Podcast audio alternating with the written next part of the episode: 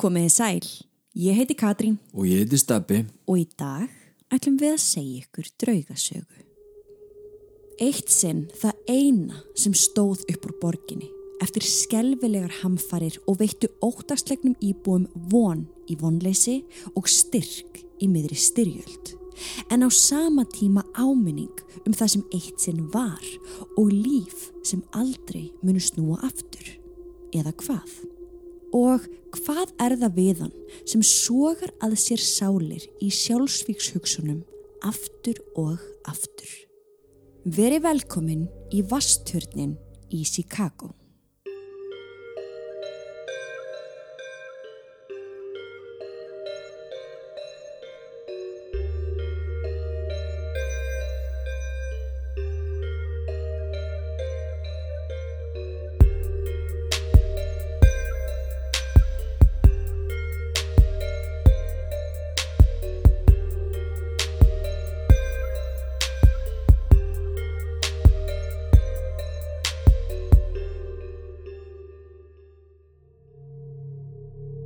Við viljum minna á að draugasögnar okkar eru ekki við hæfi barna yngre en 13 ára nema með leiði fullorna.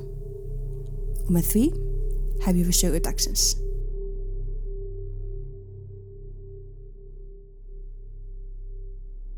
Vasturnin eða The Chicago Water Tower er einn elsta byggingin í borginni. Reynum að sjá turnin aðeins fyrir okkur fyrir þá sem ekki geta kíkt á myndirnar sem fylgja þættinum inn á draugasögu.com akkurat í augnablíkinu. Hann er staðsettur við North Michigan Avenue, alveg í miðbæ Chicago. Þessi dökkgrái turn minnir einna helst á lítinn kastala eða jafnvel kirkju frá miðöldum. Og ég verð að segja að þegar ég sá hann fyrst, Já. þá datt mér einmitt kirkja í hug. Já, einmitt. Þetta er einhvern veginn þannig. Þetta er svona gæðveikt gamalt og passar ekkert inn. Nei, hann passar engan veginn við umhverfið og það er alveg möguleiki á að þú takir jafnvel ekki eftir honum í kringum öll risa stóru háhísin og skýja kljúfrana sem umkringja þennan litla turn. Mm einmitt. En það er samt nefnilega alveg góð og gild ástæða fyrir því. Það er ótrúlegt að hugsa til þess að eitt sinn var hann það eina sem borgarbúar horðu upp til. En nánar um það á eftir. Ok. Hann var reistur árið 1869 og hefur staðið allt til dagsins í dag og er því næst elsti vasturnin í öllum bandaríkanum. Arkitektin William Boynton hafði hannað turnin og látið smíðan úr Lemont kalksteini. Já, það er einhver fyrirlega tegunda kallstein. Já, og við þekkjum samt öll kalksteinin. Mm Þegar smíði hans var lokið stóð turnin í um 55 metra hæð og innihjælt svo rör sem var álíka hátt. Sem að stóð upp úr. Markmið turdsins var að mæta fólksfjölgun í borginni með því að dæla vatni úr Lake Michigan til neistlu og nótkunn fyrir slökkvölið Chicago borgar. Aðeins tveimur árum eftir að turnin var reistur kom aldilist til með að reyna á getu hans og varð hann á svip stundu eina von allra íbúa borgarinnar. Þegar einn hræðilegasti atbyrður í sögunni átti sér stað, The Great Fire of Chicago árið 1871. Ungur maður að nafni Frank Trautmann sem var þýskur innflytjandi var nýbyrjaður sem sjálfbúðaliði hjá Chicago slökkviliðinu þegar að honum var falið aðeins eitt verkefni. Að verja turnin og dælurnar sama hvað það kostaði. Eldurinn mátti alls ekki ná til turtsins sem var að dæla öllu því vatni sem þurfti til við að slökkva elda borgarinnar. Frank vann streitu laust með hugrekki og hetjudáð þá heilu tvo daga sem eldarni geysuðu. Hann sá til þess að bleita stanslust slöngurnar svo þær yrðu ekki eldinum að bráð og sömuleiðis turnin sjálfan. Hann meira að segja þekkti turnin segldúkum og allskins ullarfatnaði sem hann vandaði sig vel að þornuðu aldrei. Hann ætlaði ekki að bregðast slökkvölustjórunum og hann ætlaði ekki að bregðast íbúum Chicago. Hann var algjör heti að þessum maður. En fólk var að deyja og mörg þúsund manns voru að missa heimili sín. Allt á á meðan hann var á vakt. Sorgina fann hann djúft inn í hjarta sínu. Hann gati ekki meir. Hann var þreyttur, slasaður og örmagna. Húnum fannst hann hafa brugðist öllum borgarbúum. Sama hvaðan reyndi varð honum ljóst að það var næstum ómögulegt að halda eldsvoðanum í skefjum. Svo hann flúði inn í törnin og klifraði upp. Hann batt svo snöru efst í törninum og þrengd hana að hálsi sínum og svo leta hann sér falla. Eldurinn hafði hrifsað í burtu enn eitt lífið. Alls létust yfir 300 manns í þessum hamförum. Þetta voru, þetta voru, þetta er rísa stórt hérna mál. Já, þetta er bara eina mestu hamfarir sem hafa átt sér staðarna í bandaríkunum. Já. En bara ef hann hefði vitað hversu mörgum hafði þó verið bjargað og bara ef hann hefði vitað að Vasturnin, kirkja St. Michaels og tvö önnur hús hafði verið einu mannverkin í allri borginni sem ekki urðu eldinum að bráð. Það voru svo satt fjögur hús sem að lifðu af allan Great Chicago Fire Ótrúlega. Og ég veit ekki hvort þú tókst eftir í en þannig talaði um kirkju St. Michaels Jú, jú. Að sjálfsögðu tók hann eftir því sjálfsögðu tók ég eftir því. Á meðan áætlanir voru gerðar um endurist borgarinnar var vasturnin ábyrjandi hluti á planinu þar sem skipuleggjendur töldu að uppbygging borgarinnar í kringum turnin væri kjörin byrjun á nýju upphafi.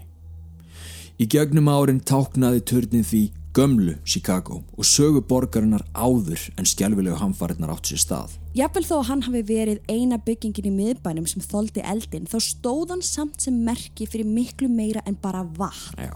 Hann stóð fyrir styrk og var kennileitið sem táknaði uppbyggingu, von og þrautsegu.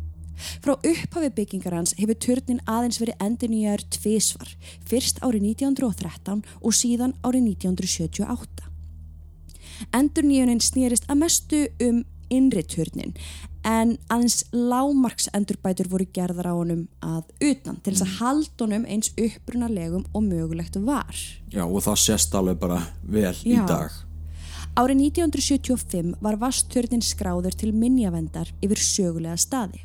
Byggingin táknaði nefnilega öll þau tímabil sem hörmungar höfðu geisað yfir sem eina byggingin sem stóð af sér óreiðuna. Reyndar hefur turnin orðið vitni að það mörgum hörmungum í gegnum tíðina að þau eru fleiri en nokkur lifandi maður, hefur sannlega segjað. Og mér finnst einhvern veginn rétt að, sko, við getum eiginlega ekki sleppt þessu.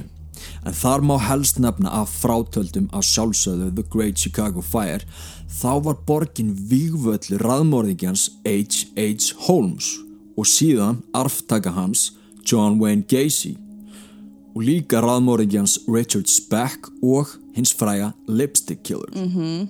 Það má líka nefna morðið á Grimes-systrunum en þetta er líka staðurinn sem hefur hróttalega St. Valentine's Day Massacre átt sér stað og var borgin náttúrulega ríkidæmi Scarface Al Capone's. Og svo meðum við ekki gleyma Jane Addams og hennar sögu sem við tekið fyrir sérstaklega á sem djöflabarninu svo kallaða. Við getum eiginlega búið til mjög stóran glæpa þátt Um Chicago. um, um, um Chicago, það er bara þannig en aftur á turninum Já, sem hefur séð þetta allt saman. Ef hann bara gæti talað. Segðu. því hörmungarnar eru ekki allar upptaldar í gegnum árin fóru nefnilega íbúar sem leið áttu fram hjá turninum að sjá hróttalega farið lík manns hanga í einum af efstu gluggunum. Svo oft hafði fólk séð mannin að reglulega þurfti að kalla til lögreglu á vettvang til þess að rannsaka málið. Í hvert skipti sem lögreglan rannsakaði þó staðinn var aldrei neitt líka að finna, þó margir lögreglu fulltrúar höfðu séða sama í glugganum og vittnin rétt áður en þeir fóru inn í turnin. Þannig að þeir semst mæta á staðinn, þeir sjá Já. það sem vittnið er bara lík hangandi. þarna er það bara fara inn í turnin upp, Já, finna ekkert fara niður, út og þá er það horfi wow. Orðrómur var því fljótt uppi að ungi þjóðvergin sem reyndi í örvæntingu að berjast fyrir eldin væri þarna fastur í dauðanum og líklega enn að upplifa þau hræðilegu atvik sem leittu loks að dauðans. En ólukkan endaði ekki þar. Þarna var turnin mögulega orðin tilvalin staður fyrir þá sem vilst höfðu úr vegi og íhugðu að taka eigið líf. Því þíski slökkulismannin Frank Tróðmann var ekki sá eini og líklega þess vegna sem húsið er talið svona reynd enn þann dag í dag. Þjóðvergi að nafni Fredrik Keiser hafði áraraður barist við þunglindi eftir að hann fluttist til Ameríku í leit að betra lífi. Hann hafði þarna nýverið dvalið mánuðum saman á geðstofnun og það leit út fyrir að hann hafað einhverju leiti sigurast á sínum kvillum þar sem hann hafði mikið upp úr atvinnu sem endurskoðandi. Ok. Hann var greinlega aðeins búin að ná sig. Já. Svo þrátt fyrir að fadir hans hafi gert ráð fyrir því að allt væri að fara í rétta átt hjá sinni sínum, þá brá öllum og þá sérstaklega föðurnum heldur betur í brún þann 21. oktober árið 1875 eða aðeins fjórum árum eftir brunan þegar að Fredrik Keiser hafði brotist inn í vasturnin að næturlægi og af frásögnum vittna staðið þar efst á brúninni í dágóða stund áður en hann let sér svo falla á malbyggið fyrir neðan. Þegar að lauruglam að köllu á staðin var svo sannarlega lík sem þeir komu að í þetta skiptið og það var virkilega illa farið eftir höggið á steipuna. Úf. Gangstéttin var eins og hún hafi verið máluð með rauðri málingu. Blóðið var það mikið. Úi. En hann var líka þjóðveri. Mjög áhugavert. Miða við draugagangin sem heimamenn voru reglulega varir við í kringum turnin kom fáum á óvart að aðeins sex árum setna myndi þriðji maðurinn taka sitt eigin í Nei. turninum og eins ótrúlegt og það hljómar þá var sá maður einnig þjóðveri. Þriðji þjóðverinn Vá. kominn þangað. Hugo von Malapert kom sem fyrr sagði frá Þískalandi og fættist með silfurskeið í mununum ef svo ef við getum sagt já. svoleiðis. og af því hann var alin upp í kringum auðæfi og öryggi en eftir að fjölskyldans flutti til Chicago var hann að eigin sögn beittur fjárhagslegum þvingunum af hönd föður síns Hann hafði því neyðst til þess að gera nokkuð sem hann hafði aldrei þurft að gera áður. Fara að vinna á kassa í speklabúð. Ok. Ég veit, maður alveg svona flissar Já. út undan sér. En þetta var greinilega bara hörmulegt áfall fyrir hann. Fyrir hann. Þunglindi lætist hratt að honum í kjölfarið og glimtan þar að auki við alvarlega spilafík. Svo mikla reyndar að hann hafði komið sér í dágóða skuld og þetta var alls ekki lífið sem hann ætlaði sér. Úf, nei. Sagan er á þá leið að Hugo hafi hitt samlanda sinn, þjóðverja að nafni Viktor, þann 17. júni árið 1881 í fasturninu. Ok. Þeir tveir hafðu rætt saman um lífsitt í Ameríku en Hugo greindi frá því að hann væri ekki ánægður með lífsitt og vildi snúa aftur heim til Þýskalands. Viktor hlustaði á áhyggjur Hugos og reyndi að sannfæra landa sinn um að vera samt áfram og reyna að bæta lífið einhvern veginn og, og gefa þessu í rauninni bara smá sjans. Hann var að reyna að peppa eitthvað svona. sjálfur var Viktor staðráðin í að finna sér vinnu en það hafði reynst honum erfitt. Hugo afhendi þá Viktori kort sem var mert með heimilisfangi vinnuveitanda síns. Hann lagði til að ef hann væri að leita að vinnu, ætti hann að kíkja í verslunina þar sem hann starfaði sem afgriðslumadur, speklabúðin, blokk og Arnstein við Adam Street. Ok. Hugo fullirti að ef Viktor færi þangað daginn eftir til þess að sækja um stöðu afgræslumanns væri hann nokkuð vissum að þeir hefðu lausa stöðu handunum. Því að þeir tveir byrjuðu svo að ganga neður stegan í turninum Já. sagði Hugo að hann hefði skilið pennan sinn eftir uppi og myndi bara hitta Viktor niður í fyrir utan. Þegar Viktor var komin niður heyrir hann skelvingar öskur vekkfarenda og mikið umstang við turnin. Hugo hafði þó verið á undan honum niður og þarna lá hann liggjandi í blóði sínu. Látin af eigin hendi við turnin eins og tveir aðrir þjóðverjar á undan honum.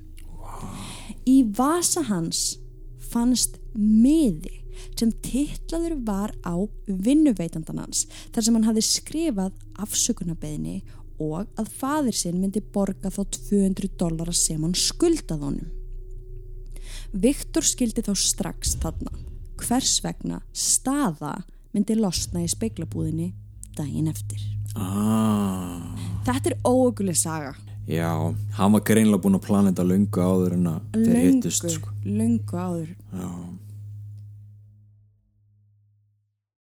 Þegar þú ert búin að hlusta á þennan þátt skaltu kíkin á patreon.com skásteg draugasögur þar sem við bjóðum upp á þrjár mismunandi áskriftaleiðir.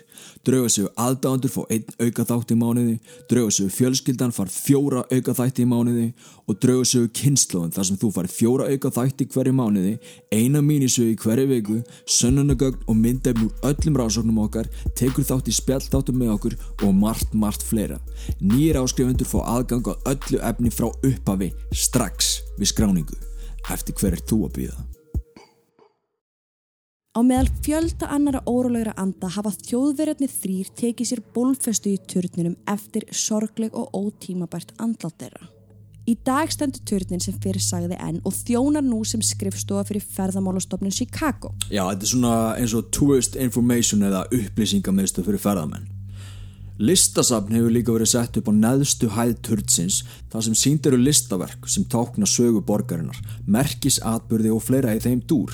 Auk þess sem upprennandi nútímalistamenn fór reglulega að setja þar upp síningar. Ok, Þannig að þetta er bara svona flott menningamiðstöð. Já. Þótt turnin sé ómannaður á næturna þykir stór undarlegt að lögreglan fær reglulega símtöl frá turninum en þegar að neyðarlínan býður eftir svari heyrist ekkert nema þungur andadráttur í nokkrar sekundur áður en skellt er síðan á. Við hefum nú heyrt, eh, heyrt dæmi um þetta sko Já. áður þar sem, sem þeir verðast vera að ringja. Draugar að ringja, símtöl. Ræstiteknirinn Rita sá í marga mánuðum að skúra gólfin í turninum eftir lokun og var oftast einað störfum. Mhm. Reglulega finnur hún fyrir nærveru Karlmanns og heyrir greinilega í þungu fótatakjans sem staðnar efst upp í steganum. Oftar en ekki hefur hún líka hýrt kvíslaði eirað á sér. Það hátt að hún virkilega finnur fyrir andadrætti þess sem er að kvísla. Hún sjálf hefur ekki tölu yfir öll þau undarlegu atvik sem hún hefur lent í þarna en eitt atvik stóð samt heldur betur upp úr. Hún var að klára að ganga frá skúringafötunum, klæðir sér í jakka og lokar og læsir aðaldirunum á eftir sér. Þá heyrir hún kvíslaði eirað á sér nema núna í fyrsta skiptið þá heyrið hún hvað röddin var að segja. Hún hristið af sér og byrjar að ganga í áttina heim en þó var eins og einhver væri að eldana.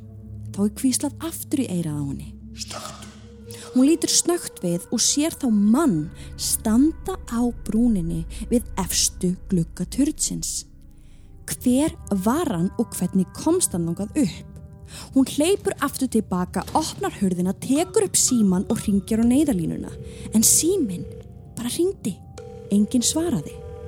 Hún hljóp upp turnin og ætlaði að stöðva mannin en þegar hún var komin efst upp var engin þar nema hún. Maðurinn var hvergi sjáanlegur.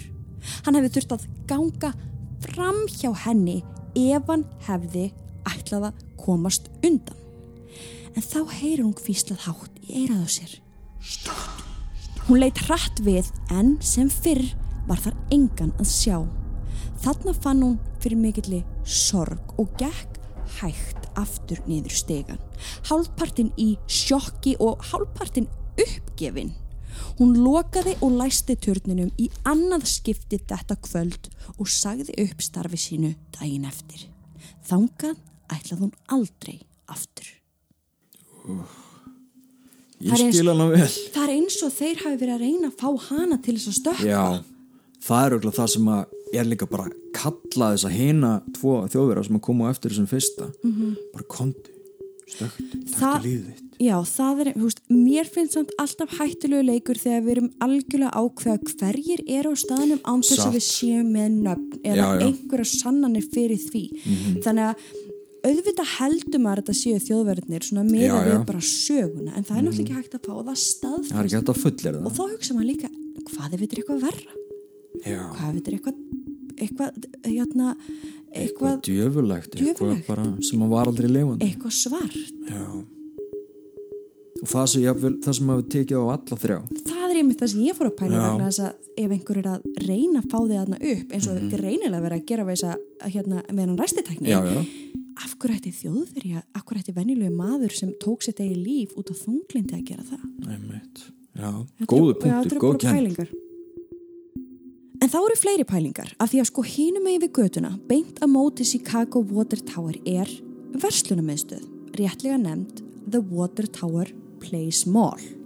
já, þetta er svolítið undalegt Já, og þetta er einmitt skemmtilegt ef við erum bara svona aðeins að diskotera Já, já. hvað er í gangi. Mhm. Það eru sem sagt bara nokkur skref sem það tekur að ganga þarna á milli. En mögulega er sorglega bölfunin tengd turninum líka tengd við þetta moll. Því sunnudaginn 24. november 2019 fram til 65 ára gömul kona sjálfsvík þegar hún stökk af sjöndu hæð Water Tower Place Mall já, inn í mólinu stekkur út. Þann 15. janúar 2020 eða einugis tveimur mánuðum eftir að konan fram til sjálfsvík gerir 25 ára gamall maður nákvæmlega það sama og hrapar til jarðar líka í Water Tower Place Mall. Og hann stekkur líka af sjöndu hæð. Og þá er merkild að hugsa, úst, af hverju af sjöndu hæðinni þegar þetta mall eru átta hæðir?